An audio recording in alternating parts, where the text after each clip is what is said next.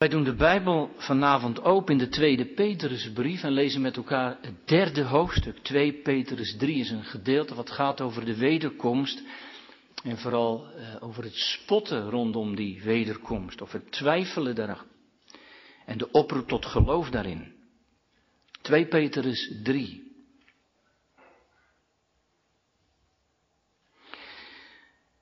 Wij lezen daar het woord van God, 2 Petrus 3. Uh, deze tweede brief, geliefde, schrijf ik u nu. In beide wek ik door herinnering uw zuivere gezindheid op.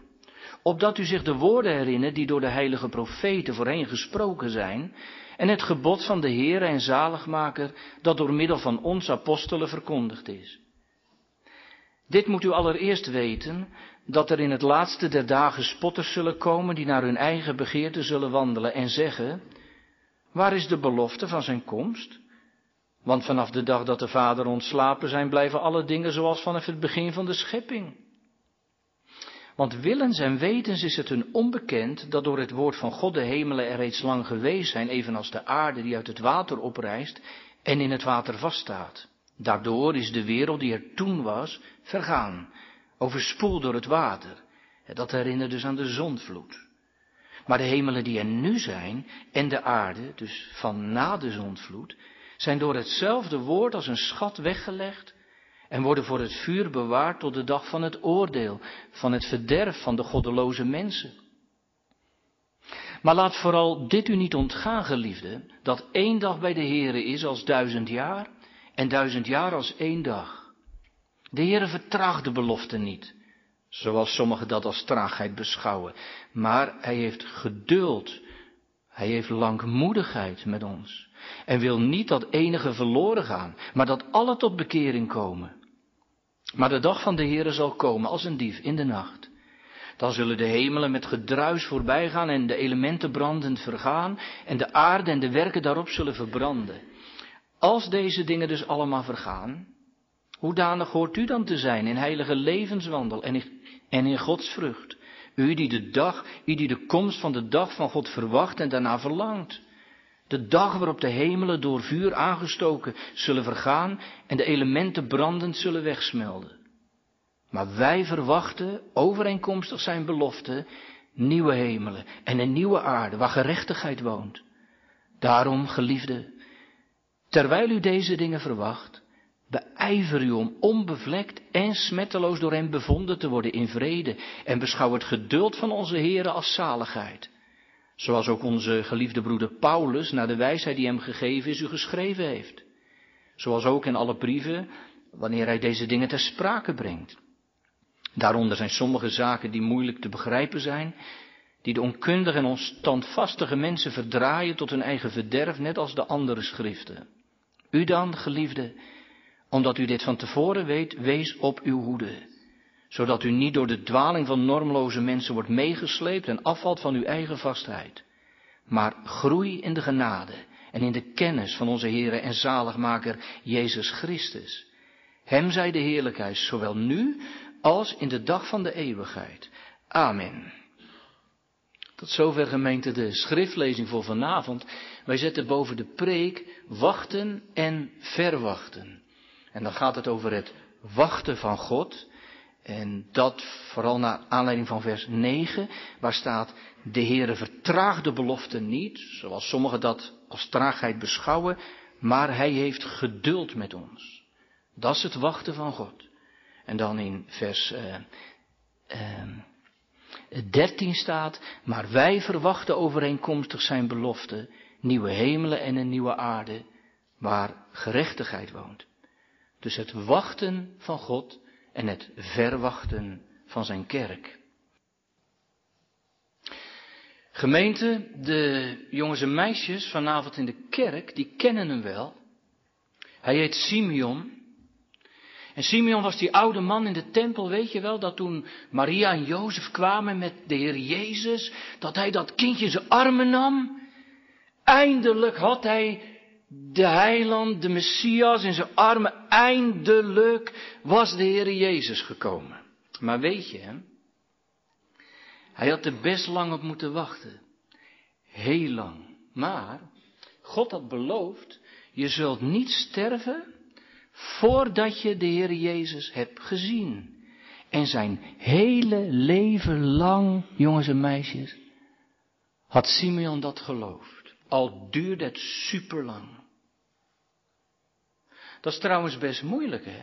Vind je dat ook moeilijk? Als iemand iets beloofd heeft en je moet er nog best lang op wachten. Ik weet niet wanneer jij jarig bent, maar stel je nou voor dat je jarig bent in december. Dan ben je pas jarig geweest, hè? En je wil nu iets heel moois. En je zegt tegen mama, mama, ik zou dat heel, heel graag willen. En dan zegt mama, dat is goed als je jarig bent. Ja, maar dan zeg je, dat duurt nog tot december. Dat is echt heel lang. Want het jaar is net begonnen. Maar ja, je moet wachten, want het is beloofd totdat je jarig bent. Weet je, als je in God gelooft, dan belooft de Heere God ook hele mooie dingen.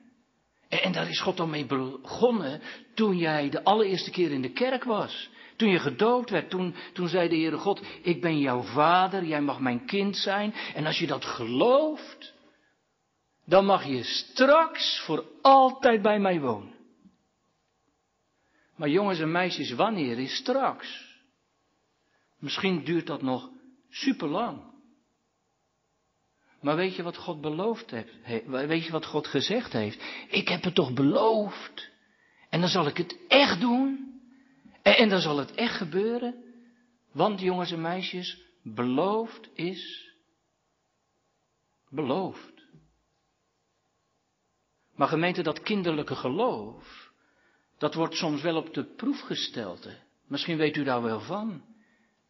Misschien wel zeker als het net als vandaag in 2 Petrus 3 gaat over die grote toekomst van de Heer, die, die dag der dagen waarop hij komen zal, wanneer de hemelen zullen opengaan en de Heer Jezus zal terugkeren op, op de wolken van de hemel als de bazuinen klinken.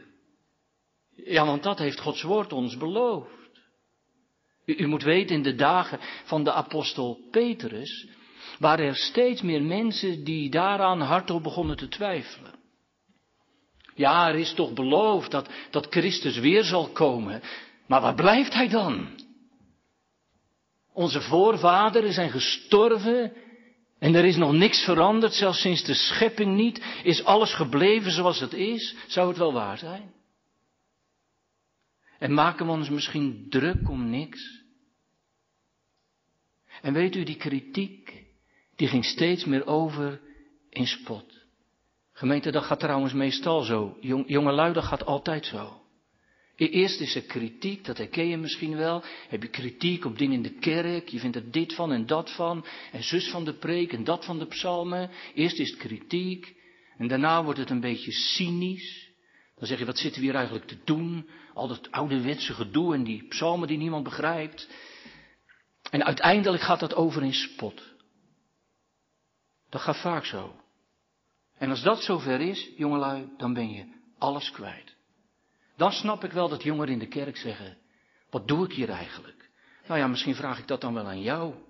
Wat doe jij hier eigenlijk? Gemeente, weet u waar dat mee samenging? Die spot, dat ging samen, staat in vers 3, met wandelen naar eigen begeerte. Met andere woorden, die mensen die Petrus aanspreekt, die deden waar ze zin in hadden, die deden wat de wereld deed, die luisterden wat de wereld luisterde, die keken wat de wereld keek. Ze waren vooral bezig met het hier en het nu, met de dag van vandaag. Van die mensen die heel de dag hun mond vol hebben van herinneringen maken. Zoveel mogelijk uit het leven halen. Want vandaag leven we. Dat is een beetje modern, hè? We moeten altijd maar herinneringen maken. Hoor ik reclames over. Ik word er ook wel eens een beetje moe van denk ik, herinneringen maken. We leven toch voor de toekomst, toch niet voor het verleden. Maar gemeente, als je zo in het leven staat en je wandelt, zoals Petrus zegt, naar je eigen begeerlijkheden, ja, dan zit je niet echt meer te wachten op de toekomst van de Heer Jezus Christus, toch? Waarom? Waarom zou je? Het is hier leuk genoeg en goed uit te houden. Wat heb je er eigenlijk van te verwachten? En als je vandaag hoort dat die dag komt als een dievende nacht, dan slaat hij er de schrikje om het hart. Dan dat je ernaar verlangt. Gemeente, en die twijfel en die spot, die had ook zijn invloed in de gemeente. Ja, ja, ook, ook op mensen die oprecht de Heeren wilden dienen, die de Heeren vreesden. Die, die gingen zich ook vragen stellen. Gemeente, dat kunt u zich toch wel een beetje voorstellen, dat dat zo gaat. Als iedereen maar kritiek heeft op het woord, en als alle vragen maar gesteld kunnen worden, en als alles maar gezegd moet kunnen zijn, en als iedereen maar volop zijn twijfels uit en daartoe aangemoedigd wordt, en steeds meer tegen je zegt, waarom doe je zo moeilijk? Voor je het weet, voor je het weet kruipt dat onder je huid, toch jongelui? Dat gaat voor je het weet ergens zitten. En voor je het weet denk je, ja, wat maakt dat ook eigenlijk allemaal uit? Maar dan, maar dan neemt Petrus de pen op. Of beter gezegd, de Heilige Geest. Dan grijpt God zelf van hogerhand in. Laat vooral dit u niet ontgaan, geliefde, dat één dag bij de Heer is als duizend jaar en duizend jaar als één dag.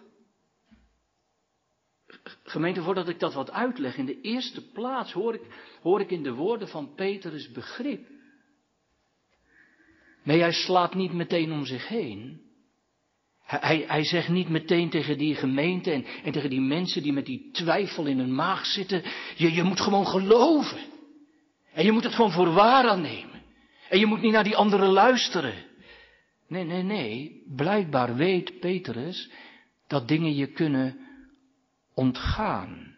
Weet je wat ontgaan betekent? Ontgaan betekent hier in de grond als zoiets als verbergen of bedekt raken. Het kan zelfs ook nog zoiets betekenen als vergeten. Het raakt even uit het zicht kwijt. Gemeente, zo kan dat blijkbaar gaan. Ook bij u en bij jou en bij mij. Dat, dat de dingen van de eeuwigheid uit het zicht raken. Of verborgen raken. Petrus wist daar ook wel van, toch? Eerst stapte die vol goede moed op een kolkende zee, de Heer Jezus tegemoet, die wandelde op de golven, maar nog maar een ogenblik later zonk hij zomaar weg, was het uit het zicht geraakt, door de twijfel overmand. Gemeente, dat kun je soms zomaar hebben. Dat, dat de dingen onder een deken van twijfel zitten, of aanvechting, of gewoon vermoeidheid. Maar dan, maar dan roept God je vanavond wakker. Hij schudt je als het ware wakker. En dat doet hij, dat doet hij trouwens heel liefdevol. Dat hoort u toch wel? Viel u het u niet op in de schriftlezing hoe vaak Petrus geliefde zegt?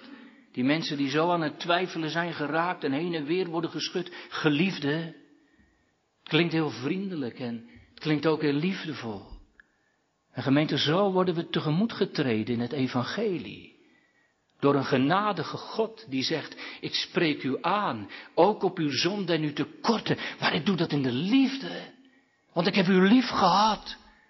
Krachtens dat verbond waar we het net met de kinderen al over hadden. Dat verbond dat God gesloten heeft. Dat je onverdiend toe is gerekend. In de dood bevestigd geworden. Geliefde, vriendelijk, liefdevol. En dan begint Petrus te zeggen, weet je, weet je waar jullie mee moeten rekenen? Jullie moeten rekenen met hoe God rekent. God telt anders. Peter zegt wat, wat wij ervaren als duizend jaar, dat is bij de Heer als één dag. Duizend jaar is als één dag. Psalm 90 zegt, zelfs korter dan een dag. Misschien heeft u die psalm op oudejaarsavond wel gelezen. Psalm 90, daar zegt Mozes, duizend jaren zijn voor de Heer als een nachtwaken. Een nachtwaken, weet je wat dat is, een nachtwaken? Een, een nacht bestaat uit vier waken. Uit vier delen. En, en, en duizend jaar is voor God als één nachtwaken. Ik bedoel het niet oneerbiedig, maar het is voor God een soort powernap. Even zo slapen, even weg en dat is voor de Heer duizend jaar. Gemeente met andere woorden, vergis je niet. Voor God is al dat wachten van u en mij maar een ogenblikje. Waar wij denken dat duurt en dat duurt en waar blijft het en wanneer komt het daar, daar staat God al met de deurklink in de hand. Vergeet dat niet. Met de deurklink in de hand. Gemeente, zijn komst is aanstaande. We leven in het laatste der dagen. Nee, niet sinds de coronacrisis. We leven het laatste der dagen, al zolang u leeft. Al zolang de Heer Jezus Christus naar de hemel is gevaren, staat Hij klaar om weder te komen. En als duizend jaar als één dag is, nou ja, dan duurt het nog maar een, pas een paar dagen. Maar zijn komst is aanstaande. Hij staat met de klink in de, in de hand. Nog even, nog even. En de bazuin zal klinken links en rechts. Nog even.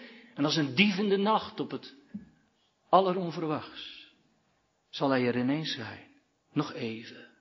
Gemeente, gemeente, dat heeft de Heer Jezus toch gezegd? De Heer Jezus zegt dat in Matthäus 24. Daar, daar, daar heeft de Heer het over alles wat de aarde kan overkomen en wat het mensenhart in beroering kan brengen. En, en dan zegt hij, weet dit, dat het nabij is. Dat het voor de deur staat. Dat ik komen zal op de wolken van de hemel. Het staat voor de deur. Nou gemeente, als iets voor de deur staat, dan is niet zo ver meer weg.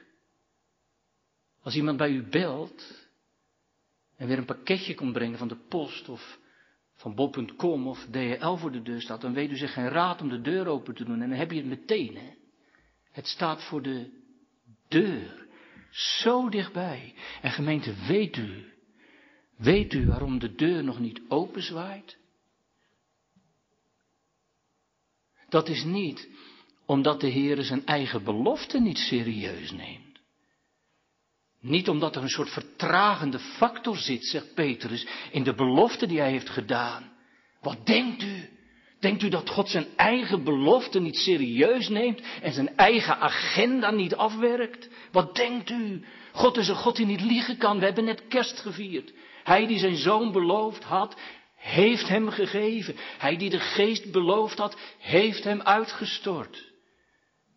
Gemeente, u denkt toch niet dat God geen raad weet met zijn eigen belofte.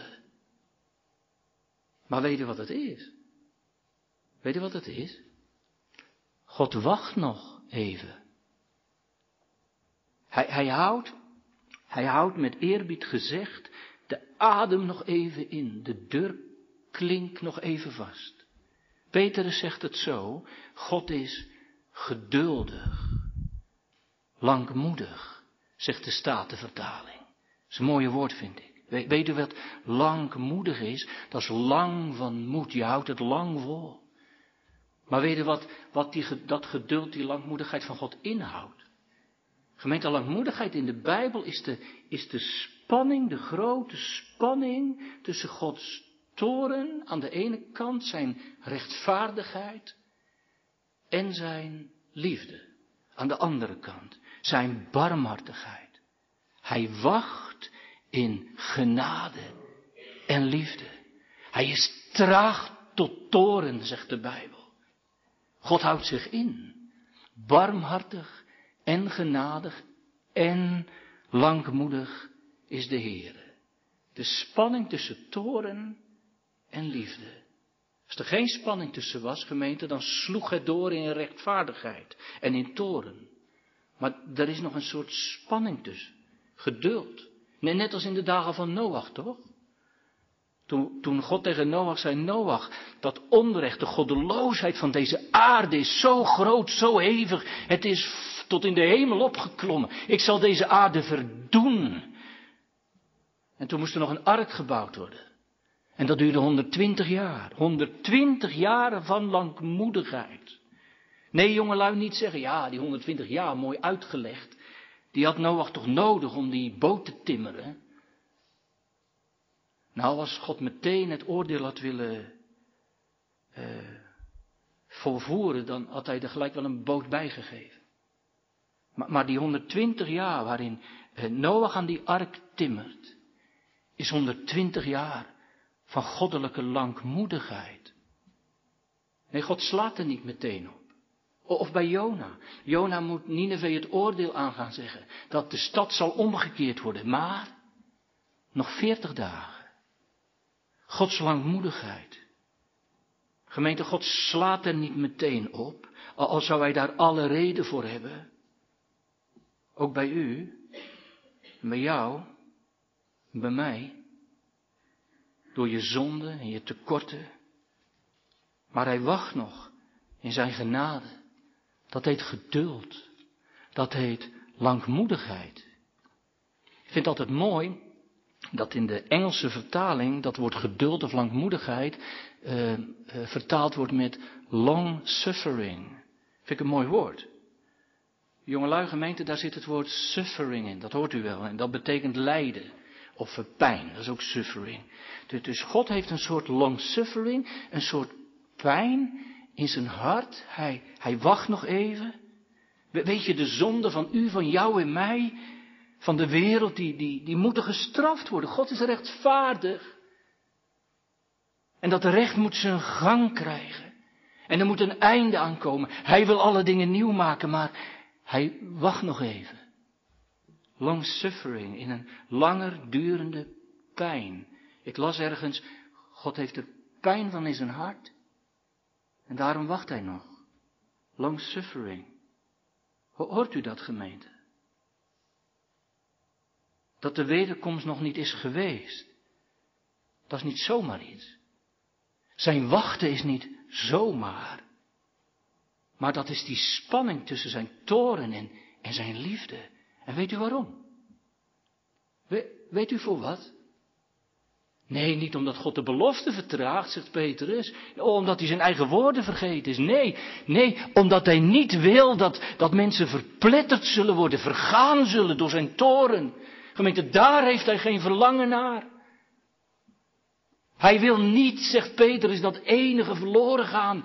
Niet één, maar dat alle tot bekering komen. Zo staat het er. Zwart op wit. Hij wil niet dat er één verloren gaat. Nee, gemeente, niet meteen komen met allerlei dingen van, ja, maar wie God van eeuwigheid verkoren heeft en zo. Zullen wij de boekhouding van God aan God overlaten? God zegt hier vanavond in Werkendam dat hij niet wil dat er één verloren gaat. Eén. Jongelui, al zou er één in de hel komen uit Werkendam, dan zou hij nog even wachten. Zo barmhartig is de is de Heer. Zegt Petrus. En, en hij, hij haalt deze woorden, misschien weet u dat wel, uit het Oude Testament. Het zijn geen nieuwe woorden. Die heeft hij uit Ezekiel, Ezekiel 32. En, in Ezekiel 32, daar, daar staat het eigenlijk nog ruimer, vind ik, nog sterker. Daar staat dat de Heer er geen lust in heeft. Dus niet eens hij wil niet. Hij heeft er geen lust in. Hij heeft geen verlangen in de dood van de goddeloze, maar dat hij zich bekeert en leeft. Geen lust in de dood van de sterveling, maar dat hij leeft. Gemeente, mag ik het zo zeggen? Mag ik het zo zeggen vanavond? God maakt zich druk om uw goddeloosheid en om uw onbekeerlijkheid. Want als dat niet verandert, dan moet hij u rechtvaardig oordelen. En dan wacht de verlorenheid. De eeuwige rampzaligheid. Weet je waarnaar hij verlangt? God verlangt ernaar dat het radicaal verandert in uw leven. Jongelui, God verlangt ernaar dat er geloof komt en, en bekering. Een leven met Hem. Dat je leven omgaat voor het te laat is. Voor het niet meer kan. Gemeente, daarom gaat week op week het evangelie uit. En, en daarom zijn we weer een nieuw jaar ingegaan. En, en daarom is het alweer de tweede zondag van 2022. Daarom gaf de Heer u vandaag nieuwe ambtsdragers. Omdat het werk nog even door moet. Daarom kwam hij in 2021 niet terug. Toen wij allemaal op ons rekenmachientje zaten en zeiden, nou ja, als hij terugkomt, dan zal dat nu wel. Daar gaat u niet over. Hij komt als een dief in de nacht. Hij heeft geduld. Nog is het tijd. De Heere geeft gena. En de toegang is vrij door Golgotha. Door Jezus Christus, die heel dat verdorven en verloren leven van u en mij met zich mee wilde dragen aan het kruis. En daar wil Hij u hebben. En mij, bij dat kruis, waar de toegang meer dan vrij voor is. Omdat Hij geduldig is. Gemeente, wie, wie dat gelooft hè, en wie dat beseft, die gaat toch anders leven, toch? En, en, en die gaat ook anders kijken. Dan, dan verandert er wat in je leven. Dan, dan ga je uitzien naar die dag waarop ik Hem ontmoeten mag. En, en die dag verwachten wij, zegt Petrus vandaag. Niet die gaan we verwachten, maar die verwachten wij. En onze geloofsbeleidenis Guido de Breef er nog wat bijgeschreven. Die zegt, en, wij verwachten die dag met groot verlangen. Mooi. Dat is mooi hè, dat dat, dat wachten van God, dat dat verwachten oproept. Verwachten.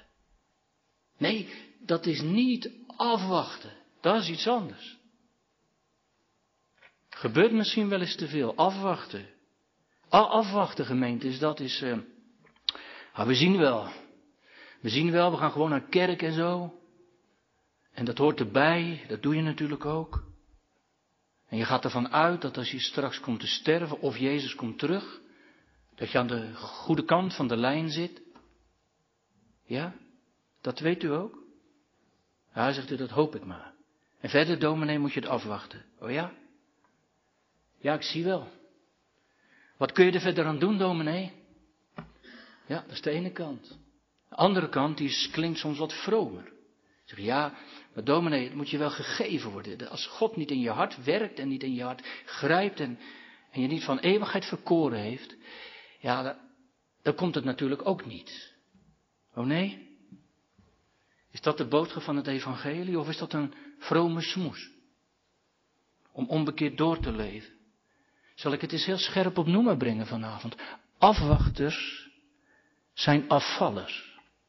Dus als hier vanavond afwachters in de kerk zitten, heb ik geen fijne boodschap voor u. Dan wordt u een afvaller. Dan zit u te wachten op iets wat niet komt. Omdat u afwacht. Die dwaze maagden weet u wel uit die gelijkenis die de Heer Jezus zelf vertelt. Dat, dat zijn afwachters. Ze zijn niet scherp, hun lampen zijn niet gevuld. Ze zijn niet voorbereid. Het zijn meelopers. Nee, ze zijn buitenkerkelijke. Die zitten er helemaal al niet bij.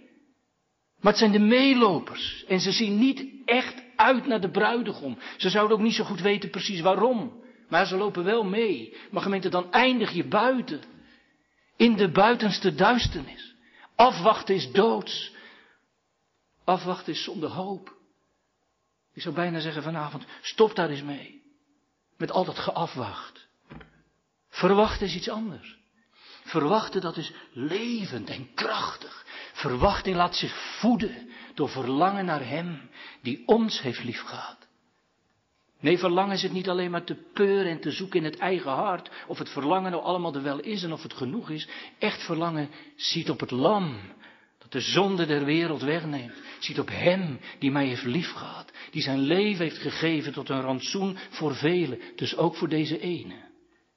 Gemeente, dan kijk je rijkhalzend uit. Dat is verlangen. Ik moet dan altijd denken aan, aan dat beeld bij, bij de oude kerk in Katwijk, dat is mijn geboortedorp. Er staat een beeld bij de kerk van een vrouw met een kind. En die vrouw die kijkt over de zee uit. En als klein kind stond er wel eens bij te kijken.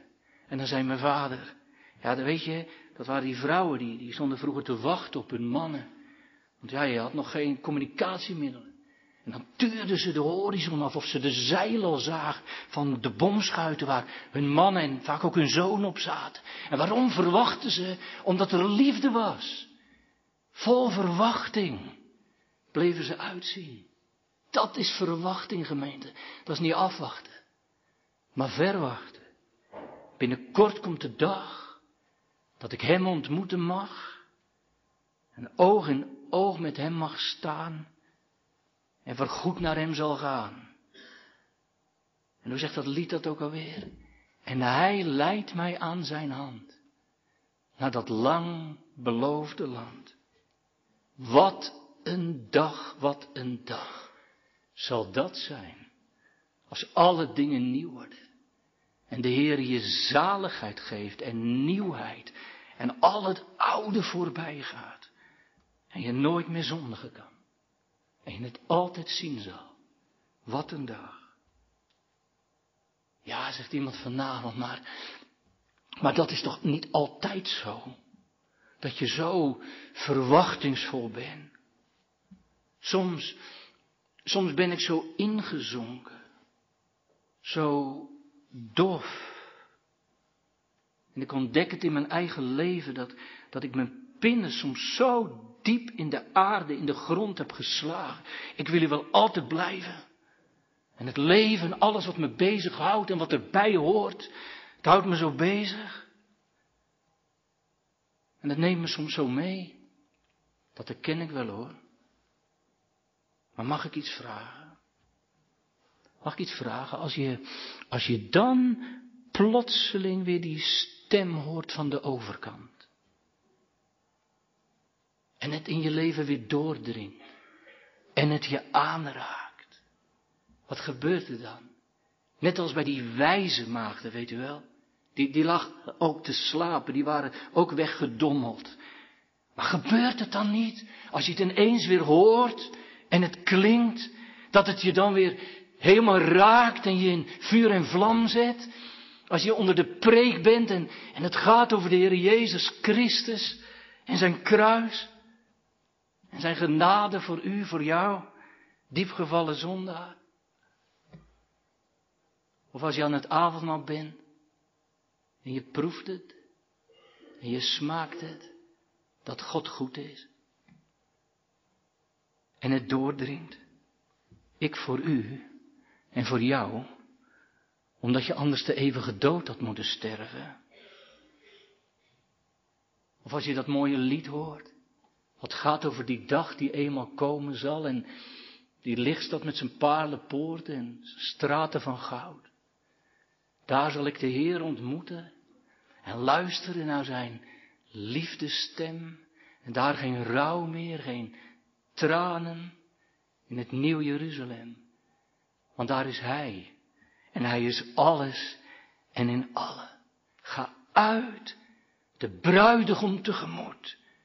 En gemeente, dan is, dan is de verwachting soms zomaar weer levend. Hè? Toch? En dan weet je het weer. Dan weet je het weer. Dan, dan is het zijn trekkende liefde die weer uitzicht geeft en doorzicht geeft. En wat heb je dat soms nodig? Toch? En wat heb je daarom nodig dat je in de kerk bent? En waarom mis, daarom missen we het zo vaak? Toch? Mag ik hopen? U zit zich altijd te verkneukelen een beetje achter het beeldscherm, omdat het een stuk ontspannender is. Ik geloof niet dat we daar geloviger van worden. Maar juist in de kerk, jongelui, als je in die stille ruimte bent, waar God zijn werk doet. Natuurlijk kun je thuis ook luisteren, tuurlijk. Maar juist waar de gemeente opgaat en waar je samen zingt en samen bidt, daar wordt het vuurtje aangewakkerd. Toch? Iemand zei afgelopen week, zat afgelopen week een podcast te luisteren van iemand die zei, eh, in, de afgelopen twee jaar eh, hebben we in de kerk eh, een magerheid aan onze zielen gekregen. Omdat we niet meer op kunnen gaan, zoals altijd met de gemeente. Nou, ik denk dat het waar is. Je hebt het nodig, jongelui, dat je trouw bent. Dat je je voeden laat. Dat je je mee laat nemen in die heerlijke verkondiging. Waarin God zegt wie hij is voor een zondaar. En waarin hij je even uitzicht geeft. En je het even ziet. En je erover verwondert. Jongens en meisjes, er is een heel mooi boekje. Dat heet De Christenreis naar de eeuwigheid. Het is een beetje een moeilijke titel misschien. Christenreis, dat is genoeg. Onthoud dat maar. En dat is geschreven door Bunyan. Misschien heb je het al gelezen. En anders zou ik zeggen, ga het lezen. Moet je goed onthouden. Bunyan, de Christenreis. Dat is iemand die gaat op reis vanuit de stad waar hij woont, daar kan hij niet zalig worden. En dan gaat hij op weg naar de hemel. Laten we het zo maar zeggen. Een hele mooie stad en dat is dan de hemel. En onderweg, jongens, gebeuren er heel veel dingen. Heel veel moeilijke dingen ook, want als je gelovig bent, gebeuren er soms moeilijke dingen. Dat weet je toch? Ja, iemand, sommige mensen willen je van het geloof wegtrekken en soms is het moeilijk om te. Gebeurt allemaal. Onderweg gebeurt ook dat hij zijn zonde kwijtraakt. Ook mooi, bij het kruis. En, en weet je, het is een beetje op het eind van het boekje. heeft hij al heel veel moeilijke dingen meegemaakt. Dan moest hij al een keer een berg op op het eind. En dan komt hij op een plekje, jongens en meisjes, dat heet de liefelijke bergen. Nou, dat klinkt goed, hè? De liefelijke bergen. En daar zijn hele fijne herders. Er wonen herders met een kudde, die zijn heel lief, die herders. En die geloven ook in de Heer. En als christen, want die is daar dan even geweest om uit te rusten, als hij dan weer verder moet, uh, op weg naar de hemel, naar de hemelstad, dan zegt een van die herders, je moet even door deze verrekijker kijken. En dan uh, krijgt hij een verrekijker en dan kijkt hij naar de kant waar de hemel is, de hemelstad. En weet je wat hij ziet? Hij ziet alleen de deur. Een beetje vaag, niet heel erg goed staat in het verhaal, maar hij ziet de deur van de hemelstad. En hij wordt daar zo blij van. Zo blij. Er staat in het verhaal dat hij helemaal opfleurt en, en helemaal blij weer verder gaat. Jongens en meisjes, soms heb je dat, hè. Dan, dan voel je in je hartje ineens dat het helemaal waar is. Dat de Heer echt van je houdt. Dat de Heer Jezus er ook voor jou is. En dan ben je zo blij weer. Gemeente, soms geeft God je een doorkijkje. En je hebt er soms maar weinig voor nodig. Gemeente, dat doet de Heer wel bij zijn kinderen. Weet u dat trouwens van? En jij? Jongen, luister niet een beetje sprookje of zo, of een beetje hoogdravende praat van een dominee die dat een keer zegt. Dat is echt. Van, van die dingen die, die je echt verlangend maken. Je, je in gang zetten. Je, je even helemaal je laten verliezen aan hem. Echt. Paulus schrijft aan, aan de gemeente in Filippi. En die gemeente had hij echt lief, hè? En, en dan schrijft hij aan die mensen: Ik heb de begeerte om heen te gaan. En met Christus te zijn. Want dat is verreweg het beste. Hij zegt niet: Het leven is niks meer, dit en dat. Hij zegt wel: Het is verreweg het beste. Bij Christus te zijn. Gemeente, dat is verwachten. Je verwacht een nieuwe hemel en een nieuwe aarde waarop gerechtigheid woont. Dat is mooi, hè? Dat is mooi. En als dat zo is, dan heb je iets om naar uit te zien. Dan leef je voor morgen. Dan zit je niet alleen maar te wachten op het eind van de pandemie, natuurlijk wel, ik ook. Maar dan zeg je niet, nou ik hoop weer dat het snel weer wordt zoals het was. Nee joh, we hopen dat het snel weer wordt zoals het wordt. Zoals het worden zal. Niet terug naar het oude normaal. Terug naar het nieuwe normaal. Maar ja, zegt iemand vanavond, en misschien wel een jongere, dat kun je nou wel allemaal hopen en verwachten en, daar verheugd over zijn. Maar, maar hoe weet je nou hoe dat, hoe weet je, hoe dat, hoe weet je dat het komt? Op grond waarvan zou er nou echt naar uitzien? Ik zou de vraag vanavond graag een beetje willen terugkaatsen. En aan jou willen vragen, uh, is er wel eens iets waar jij ontzaglijk naar uitkijkt? Stel je voor, een van je vrienden gaat trouwen en het bruidpaar heeft besloten het huwelijk te laten bevestigen op een of andere exotische plek, noem eens wat, Bali of zo. jij bent er in ieder geval nog nooit geweest, die witte stranden, prachtige zeeën.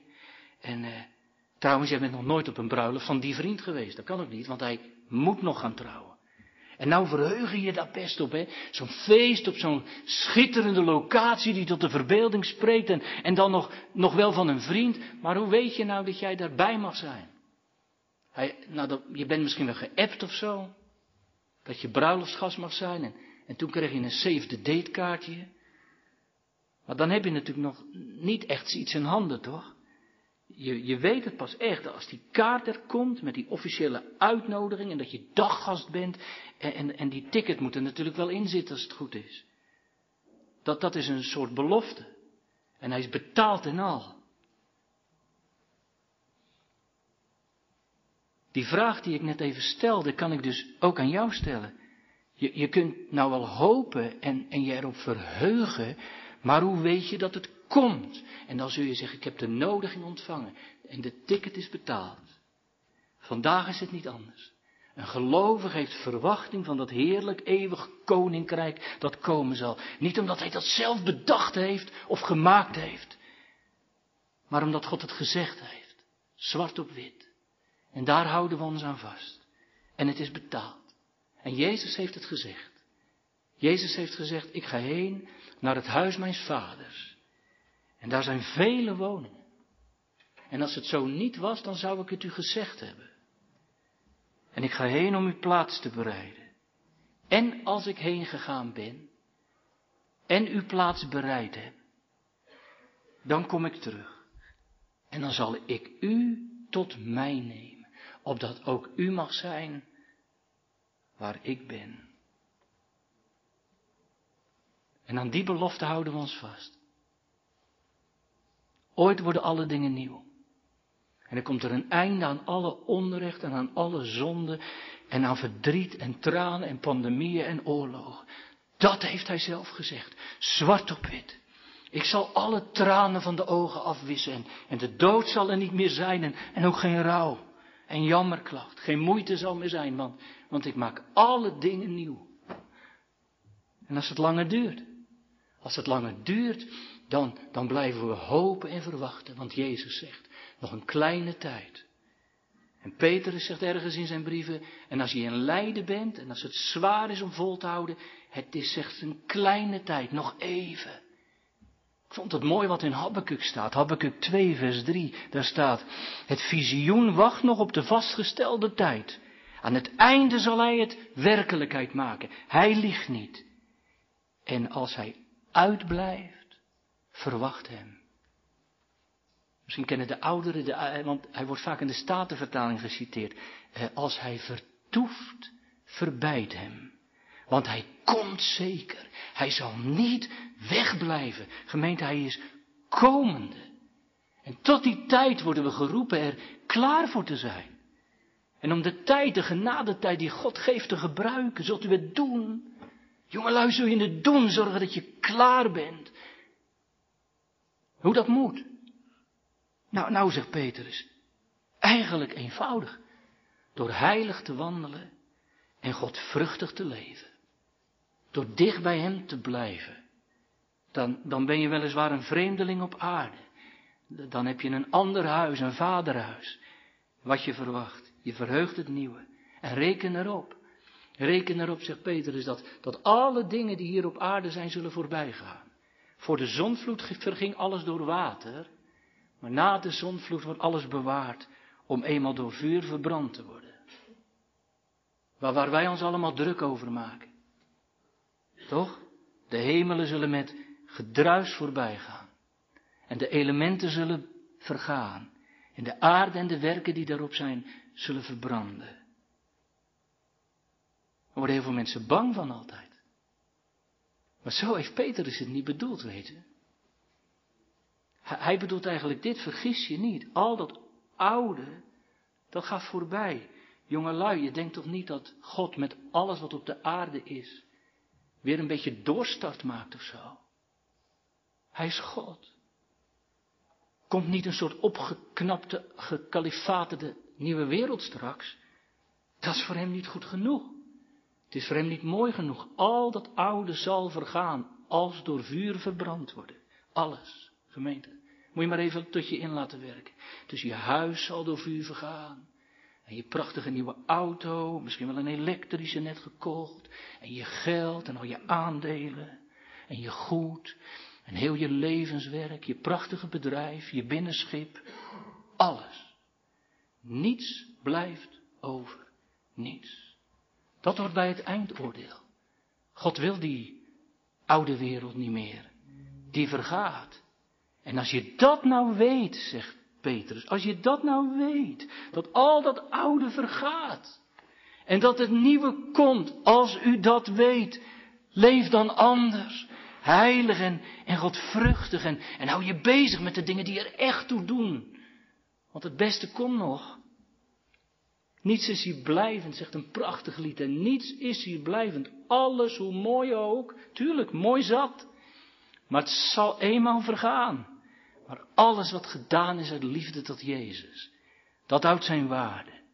En zal blijven bestaan, gemeente. En als dat de connectie is, liefde, omdat je weten mag, Hij heeft mij eerst lief gehad en zijn leven voor mij gegeven dan, dan komt er zo'n heerlijk perspectief. Gemeente jongelui, ik spoor u aan om dat te zoeken, voordat het te laat is en Gods geduld op is. Want, want Gods geduld, Gods langmoedigheid, dat is genade, maar Gods langmoedigheid is niet eindeloos.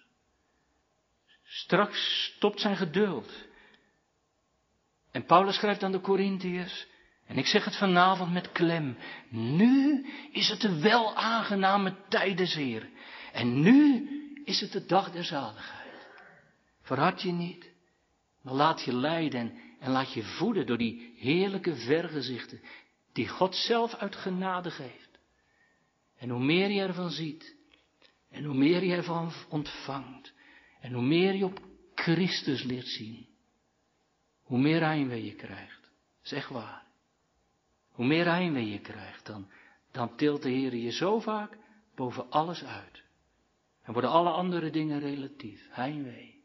Heeft u wel eens heimwee? En als je heimwee hebt, dan kom je thuis. Echt waar. Die heimwee hebben, die komen thuis. Dat belooft hij zelf. Dan zal hij die liefde eenmaal vervullen in zichzelf, als hij komt. En zo, zo worden we geroepen op weg te gaan. In geloof en in verwachting, wetende dat het beste nog moet komen. Met het oog omhoog en het hart naar boven, want, want hier beneden is het niet. Het ware leven, lieve, loven, is maar waar men Jezus ziet. En als je hem hier mag zien door zijn woord en door zijn geest, dan kijk je straks je ogen uit. Amen.